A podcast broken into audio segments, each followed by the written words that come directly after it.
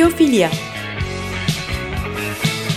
Doğayla, diğer canlılarla, kültür ve tasarımla kurulan özenli ilişkiler üzerine bir program.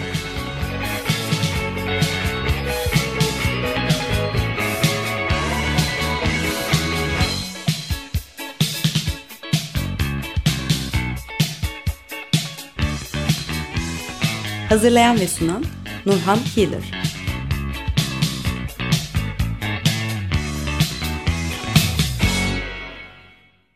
Merhaba Açık Radyo dinleyicileri. Ee, konuğum Mert Sandalcı ile birlikteyiz. Hoş geldin Mert. Merhabalar, hoş bulduk. En son e, Açık Radyo'ya geldiğinde domates, biber, patlıcan, seyyar satıcılarla bitirmiştik. Öyle hatırlıyorum ben. Evet, bugün daha farklı bir iş yapacağız bakalım. Evet, e, şimdi e, dinleyicilerimize seni hatırlatayım. İnşaat mühendisiydin, bıraktın. Sonra Türkiye'nin en büyük koleksiyonerlerinden oldun. Estağfurullah. Öyle deniyor. Üç büyük koleksiyoncusundan evet. biriymişsin. E, araştırmacı yazarsın. Üniversitelerde ee, çok e, tatlı öğretim görevliliği görevim var. Evet. Gönüllü olarak e, çoğunlukla yaptığın ve öğrencilerin de bayılıyor sana derslerine de. Severler. Ben de onları çok seviyorum. Değil mi? Evet. Çok da değişik teknikler uyguluyorsun onlar için. İşte derse gelmeleri, sınavlar, ders konuları. Evet. Keyifli. Yolda gelirken de konuşuyorduk zaten. Enteresan şeyler yapıyorsun. Şimdi senin e, kitapların var. Eczacılık, seyyar satıcılar, Feyziye mektepleri, bira, margarin. Bunların adını veremiyorum reklam olmasın diye.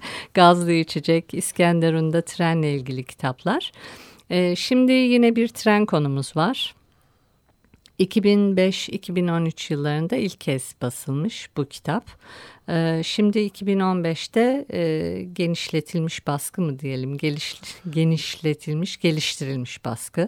Evet yani şimdi şöyle diyeyim 2005 dediniz değil mi? O ilki bir evet. küçücük bir şeydi artık 40 fotoğraftan oluşan ama ilk kez yapmıştık. Ee, şimdiki ise 350 fotoğraftan oluşan e, bayağı bir gelişmiş tarihçe oldu. O zaman ismini de vereyim. 100 yıl sonra kayıp bir demir yolunun izinde. Evet. E, sol taraflar Türkçe, sağ taraflar e, İngilizce. İngilizce. Bayağı da hoş bir kitap olmuş. E, Kağıthane treni. E, Birinci Dünya Savaşı'nda kömür sıkıntısı var. E, e, Almanya'dan artık kömür gelmiyor. İngiltere'den. Almanya değil İngiltere'den gelmiyor kömür. E, bunun üzerine e, burada hükümet ve Enver Paşa ve Alman yetkililer bir araya gelip e, kömürü Bizans'tan beri bilinen kömür yataklarından, linyit yataklarından getirtme uğraşına giriyorlar. Fakat bu kömür yanmıyor. Kendi başına verimli değil. E, kokla karıştırılarak 1 bölü 3 oranında ama yine de çok e, ekonomik olduğu için e, böyle bir yola gidiyorlar ve e, hemencik tren yolunu e, kurup Karadeniz'le Halic'i bir, bir araya getiriyorlar. Hatırladığım kadarıyla e, kitaba e, hepsine hakim olmasam da 45 kilometrelik bir e, Evet şey totalde 45 civarındadır. E, bir de iki madeni de birbirine bağlayan bir ha. denizden bir yol var. Onu da kattığınız zaman 51 kilometrelik bir hat. Şimdi ben bu kitabı okurken ne hissettim? Ee, kitap e, ne bileyim demir yolu e, çok önemli olmayabilir. Ama e, orada senin işte bazı yerlerde gözlerinin dolması, bir taş bulduğunda kilometre taşı, o heyecan duyman, e, işte birlikte kitabı oluşturduğunuz arkadaşlarınla o heyecan direkt geçmiş. Yani ben o heyecanı algıladım. Ee, muhtemelen Kağıthane Belediyesi ve diğer belediyeler de bunu algılayıp basmışlardır. Burada bir adanmışlık var. Evet yani bu çocukluktan başlayan ve ilk fotoğrafların bulunuşuyla şekillenen sonra da hani kaderin bir cilvesi diyelim e, gelişen olaylarla bu hale geldi. E, nasıl oldu? E, örneğin bu işe 12 tane fotoğrafın tanesi 1 liradan ya sen trenlere meraklısın deyip bir arkadaşım tarafından bana satılmasıyla oldu. Şu trenin altına yatma hikayeni de bir anlatır mısın? Valla ben enteresan. küçükken e, Erenköy'de yazlığa giderdik biz. E, orada Erenköy istasyonu e, böyle yan tarafında yük indirilen bir bölüm de vardır. Genelde maden suları indirilirdi orada depo vardı. Sabah saat 8'de e, yük treni gelir boşu alır dolusunu koyar falan. Ben de o manevrayı seyretmekten çok hoşlanırdım. Bir de koku. Yani o trenlerin bir kokusu vardır. Ee, benim çocukluğumda zaten bildiğiniz gibi kömürlü trenler de vardı. Nadiren bizim oraya manevraya e, dizel lokomotifler gelirdi. Orada bir koku vardır. Yani onu anlatılır gibi bir şey değil. O ben trenin altına yatardım. Ee, ve o kokuyu böyle içime çekerdim. Manevradan sonra ortalık güvenli bir hale geldikten sonra e, trenlere olan tutkum hep devam etti. Yani uzun tren yolculukları ya düşünün ki biz iki çocuktuk. Ee, ben herhalde 15 e, yaşındaydım. Kardeşim de yaklaşık işte 8 yaşlarında 7 yaşlarında dedemden şey rica etmiştik. Biz Banliyonun son istasyonuna kadar gidelim. E, dedem de bizi bir taraftan Halkalı'ya bir günde bu taraftan Gebze'ye kadar o tarihlerde güneşin alnında e, götürmüştür. Sırf trenle son istasyona gidip son istasyonu görüp ondan sonra tekrar geriye gelme. Ya bu Avrupa'da da aslında trenciler dediğimiz bir ekipler var. Yani bir, bir takım koleksiyoncular ve meraklılar var.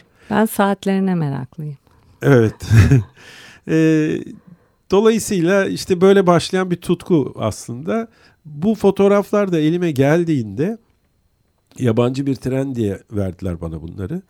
E, fakat baktım ki Kemerburgaz'ın altından geçiyor tren. Bu sefer iyice meraklandım ve fotoğrafları aldığımızın ertesi günü eşimle beraber Kemerburgaz'a gittik. Fotoğraflardaki e, tam yerleri bulduk aslında ve oradan tren geçtiğine inanamadık. Yani buradan nasıl tren geçer? Ee, olacak bir iş değil. Ee, bunun dedim araştırmasını yapmak üzere fotoğrafları bir kenara koydum. Yani bir gün mutlaka bunları sorup soruşturacağım. Bu tren neyin nesidir? Hiçbir şey bilmiyorduk. O heyecanını tahmin edebiliyorum. Evet. E, yani şey, fotoğrafa bakıyorsunuz ya Allah'ım buradan tren geçiyor. Şu anda arabaların geçtiği bir yer orası. E, daha sonra e, bir toplantıda, tarih toplantısında bir sunum yapmıştım ben. E, Cerrahpaşa'daydı. E, arka tarafımda Profesör Doktor Emre Dölen'in bir eski general Nurettin Paşa sanıyorum adı. Onunla konuşmalarını kulak misafiri oldum. Ve orada şöyle deniyordu. E, Paşa diyor ki ben diyor postaydım. Sarıyer'den o eski demir yolunu takip ederekten e, Ağaçlı'ya giderdim atla. E, böyle duyunca tabii burası benim hat dedim.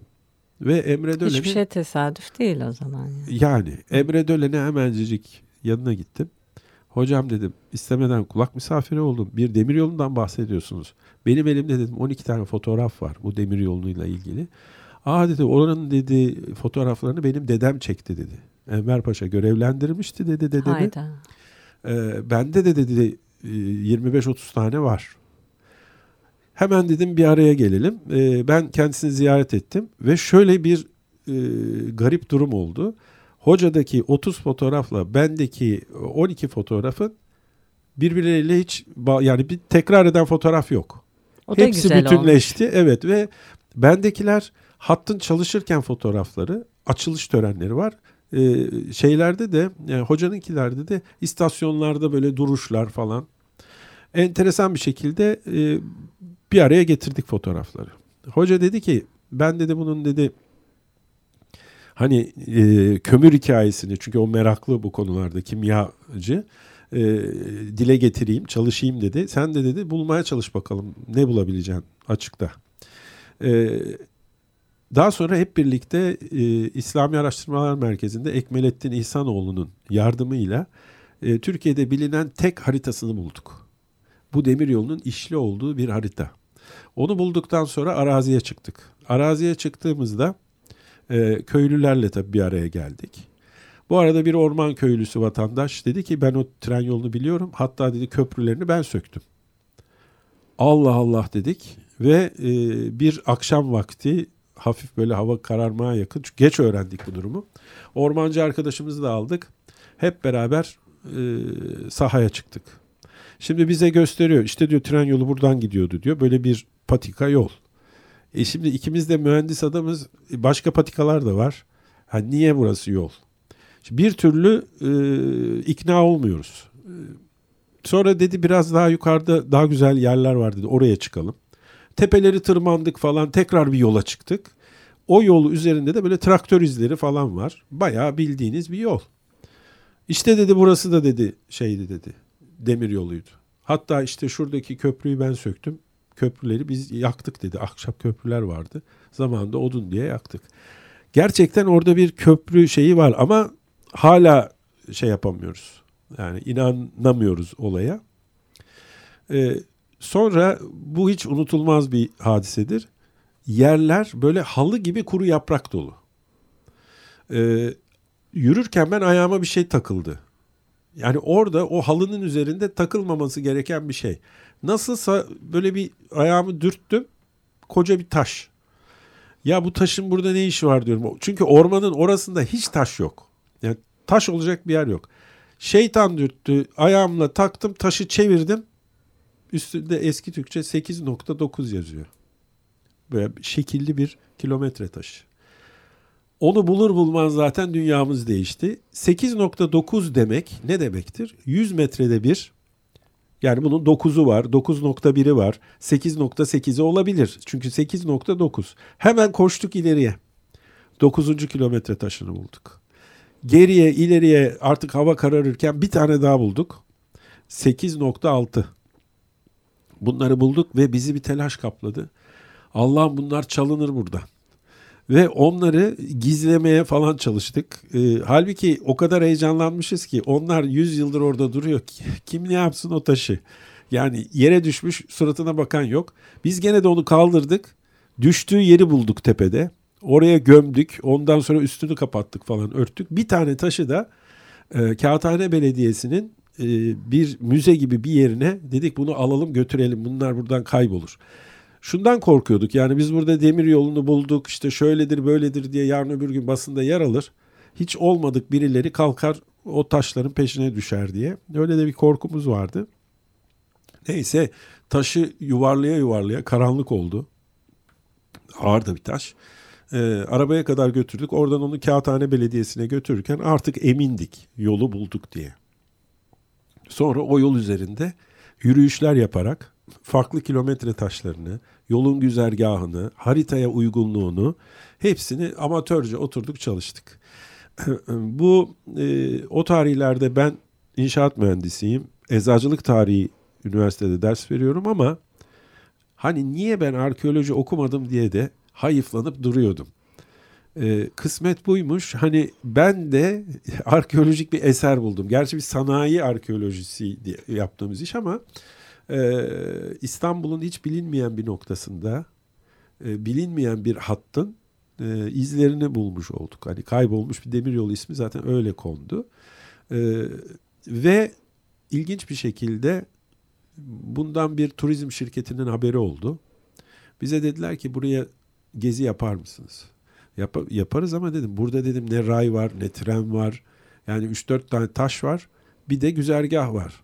Yok dedi bizim dedi gez, gezginlerimiz bu işe meraklıdır dedi. Hayal o, gücünü kullanacak. Onları onları tatmin eder dedi. Biz yeter ki bilgilendirelim. Ondan sonra biz e, çok ciddi e, turlar yaptık. Hatta ben bir ara böyle Mayıs ayında e, haftanın dört günü dört pazarı e, tur düzenliyorduk. 40'ar 50'şer kişilik. Yani ben düzenlemiyordum da şirket düzenliyordu. Biz de rehberlik ediyorduk. O e, geziyi de bayağı bir geliştirdik ve e, pek çok insanın haberi oldu. Bu arada çok ilginç bir şekilde ölmeden İstanbul'da yapılacak 100 iş sıralamasında 85. sıraya da bunu koymuş yazar. O da enteresan bir şeydi. Mutlaka e, bu Kağıthane Kemerburgaz hattının gezilmesi diye. E, böylelikle aslında hem hat ortaya çıktı, insanların bilgisi oldu. E, bu arada da işte ilk kitap yapıldı. Kağıthane Belediyesi'nin katkılarıyla işte o zaman e, 40'a yakın 45 taneydi sanıyorum fotoğrafla hikayesi de e, düzenlendi. E, ilk kitap yapıldı. O küçük bir kitaptı. Fakat sonraki yıllar yani bizim için e, pek çok hazinenin ayağımıza kadar gelmesi oldu. Bu arada e, sahaflara özellikle teşekkür etmek lazım. Çünkü buldukları her şeyi bu size layıktır. Sizin e, çalışmanızı biliyoruz deyip hani e, bedava denilecek fiyatlarla e, bizlere ulaştırdılar. onların sayesindedir ki 350'ye yakın fotoğraf elde ettik, albümler elde ettik. İnanılmaz bilgiler elde ettik ve bizim ilk kitabımız bir ön söz gibi kaldı. Yani o kadar küçük bir iş kaldı. Her, her defasında da inanırız ki yaptığımız işlerde öyledir. Bundan sonra daha da yapılamaz bir şey. Her şeyi yaptık diye. Ee, bunun da ne kadar yanlış olduğunu gördük aslında. O kadar çok malzeme geçti ki elimize. Ee, tabii onlardan da bahsetmek lazım. Mesela e, bir neyzenimiz var Şevki Bey. Ee, bu kişi buradaki askeri e, şeyin e, birliğin komutanı. E, bu komutan e, Romanya cephesinden buraya nakil geliyor ve Ağaçlı'ya, Ağaçlı'daki e, askerlerin başına ve günlük tutuyor. Ve bu günlükte şöyle söyleyeyim çok çalışkan ibiş çavuş diye resmini koymuş. Yani nasıl detaylı bir e, günlük tuttuğunu e, siz anlayın buradan. E, mesela e, bu günlükte çok çarpıcı şeyler vardı. Bu kitabın lansmanı yapılırken ben e, dinleyenlere, seyircilere bir soru sordum. Eyüp sınırlarına, Eyüp'e ilk defa uçak ne zaman indi diye. Tabii kimse cevap veremedi. Ama Eyüp'e uçak indi mesela. Nasıl oldu bu? Ee, komutan bir sabah fark ediyor ki Ruslar torpil döşüyorlar Karadeniz'de. Bunun üzerine telgrafla İstanbul'a haber veriyor. Müttefik Almanlar bir uçakla tespite geliyorlar. Uçak deniz uçağı. Küçücük bir deniz uçağı ve bu Ağaçlı'daki kömür tesislerinin e, açıklarına denize iniyor. Ve oradan e, iki tane pilotu işte yediriyorlar, içiriyorlar, durumu gösteriyorlar. Ondan sonra uçak geri gidiyor. E, Almanlar e, torpilleri temizlemeye geliyorlar. Şimdi bunları mesela gün gün tutmuş. Hangi gemi havaya uçtu, ne oldu falan filan e, hepsi yazılıydı. Ve tabii günlük hayatta inanılmaz fotoğraflar. Elektrik santrali, etüv makinası. Ya öyle şeyler var ki mesela fotoğrafları başka türlü incelemek de gerekiyor. Örneğin e, bir elektrik santrali kurmuş. Kendi elektrik üretiyorlar orada. Orada bir e, dolap var. Bildiğimiz metal, üzerinde göstergelerin olduğu e, elektrik panoları vardır ya. O panolardan. Panoya bir bakıyorsunuz etrafı inanılmaz Arnuvo bir mobilya. Yani o dönemdeki bir elektrik panosu o kadar kıymetli ve özgün bir şey ki adamlar muazzam bir mobilyayla Allah'ın dağında denizin kenarına e, oraya getirmişler askeri birliğin içinde. Şimdi fotoğraflara da bakarken aslında herkesin bulabileceği e, garip garip detaylar var. Bir yaşam var orada ve bu yaşam e, gerçekten 1960'larda dahi İstanbul'un dışında oraları köydür. Hani Türkiye'nin manda nüfusunun yüzde 60'ı İstanbul'dadır dedikleri yerler. E, buralardan bu kadar detaylı fotoğraflar çekilmesi ve böyle bir yaşamın oluyor olması gerçekten başlı başına incelenmesi gereken bir şey. E, ben bu kitabı yaparken e, hep şunu düşündüm. Yarın öbür gün bambaşka konularda yani mesela Arnuvo mobilya konusunda bile e, birisinin oradan bir şey alabileceğini düşündüm. Ona içinde mükemmel basılmasını, e, en iyi tekniklerin kullanılmasını e, istedim, arzu ettim. Belediye de bunu kabul etti ve şöyle dedi yani gönlünden ne geçiyorsa ve nasıl istiyorsan öyle yapacaksın diye. Yine en büyük hayallerimden biri bu hattın geçtiği güzergahın üzerinde bir helikopter uçurmak o helikopterden çekim yapmaktı. Yıllarca yani son 10 yılda hep bu helikopteri hayal ettim. Nasıl tutacağız, nasıl çekeceğiz falan. Sonra o kadar güzel oldu ki drone denilen şey icat edildi. Ve e, drone'la bütün zorlukları aşabileceğimiz ortaya çıktı. E, drone'u da projeye dahil ettik ve 3 e, günlük bir drone çalışmasıyla eski demiryolu hattını günümüz güzergahına aplike ettik. Yani günümüzde nereden gittiğini birebir görür hale geldik. Bu da çok önemli bir çalışmaydı. Yarın öbür gün hattın yeniden inşasında e, lazım olan ve e, aslında pek çok kişinin de bilmediği bir işti. Çünkü o, o haritayı bilmiyorsanız, bulmamışsanız hatta oturtmanız mümkün değil. Ee, ama onu da becerdik e, sanıyorum. Özellikle Ağaçlı bölgesinde e, 5000 kişinin yer aldığı bir projede ve pek çok binanın bulunduğu yerde bugün hani e, çöldeki Türk filmlerinin e, çekildiği, çalıların uçuştuğu, kumların böyle hani Kilyos'ta böyle yerler vardır. Öyle yerlere dönüşmüş. Yani orada tek bir bina olduğuna dair en ufak bir iz yok. Öylesine yok olmuş bir e, doğa. Daha doğrusu doğa kendini tekrardan orada yaratmış. Kumları, çalılarıyla vesaire. E, o binaların orada olduğuna da insan inanamıyor. Yani nasıl böyle bir şey yok oldu buradan kalktı gitti bu kadar şey. Hem ağaçlı için olsun hem e, çift alan için olsun. E, ikisi de enteresandı.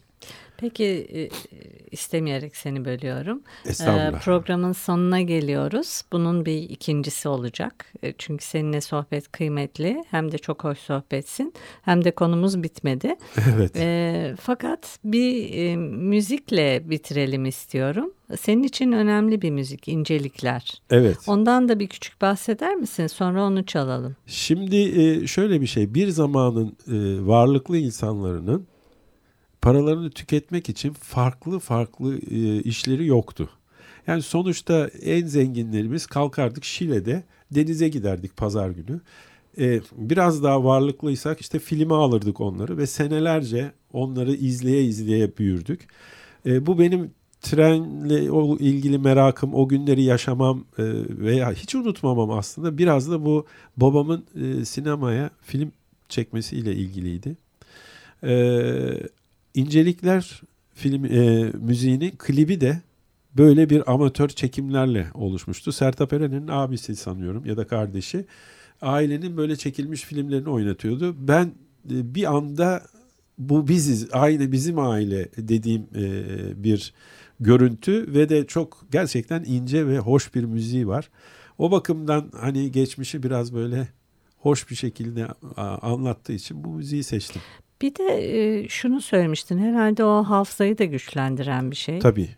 Tabii mesela ben 4 yaşında kaybettim babaannemi hiç unutmadım. Çünkü 1 yaşından 4 yaşına kadar babaannemin yanında çekilmiş filmlerim vardı.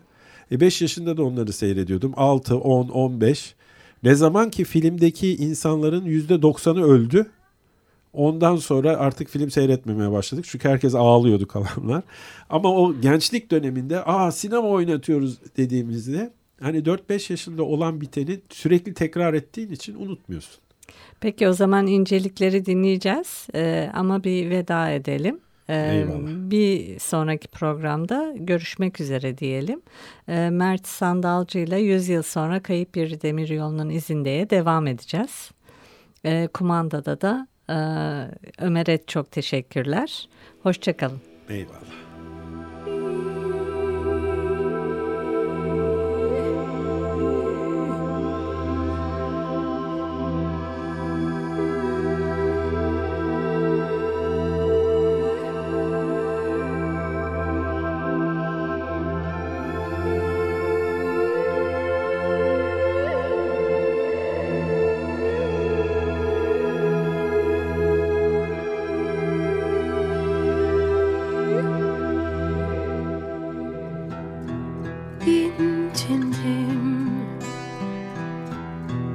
İncitildim derinden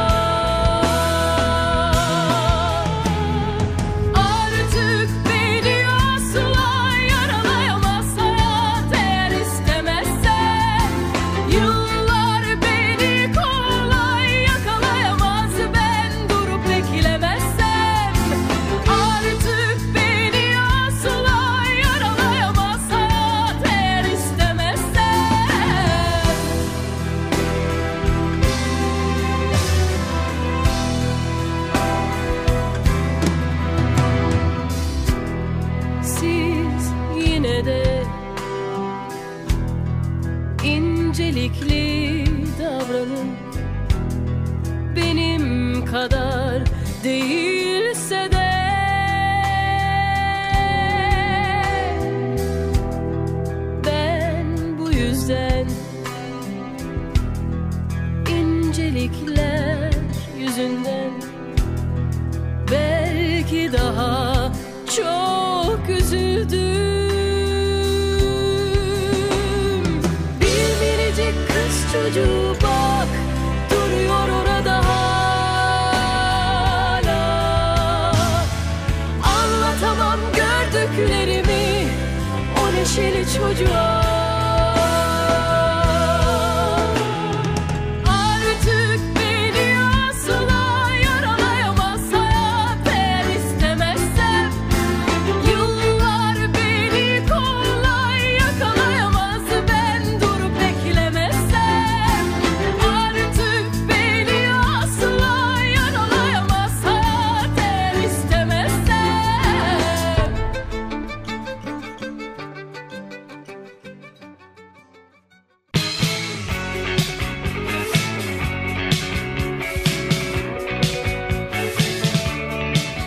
Biyofilya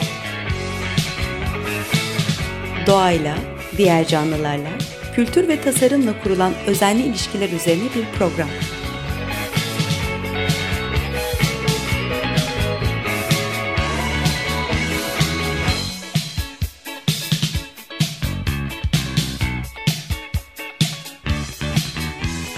Hazırlayan ve sunan Nurhan Healer.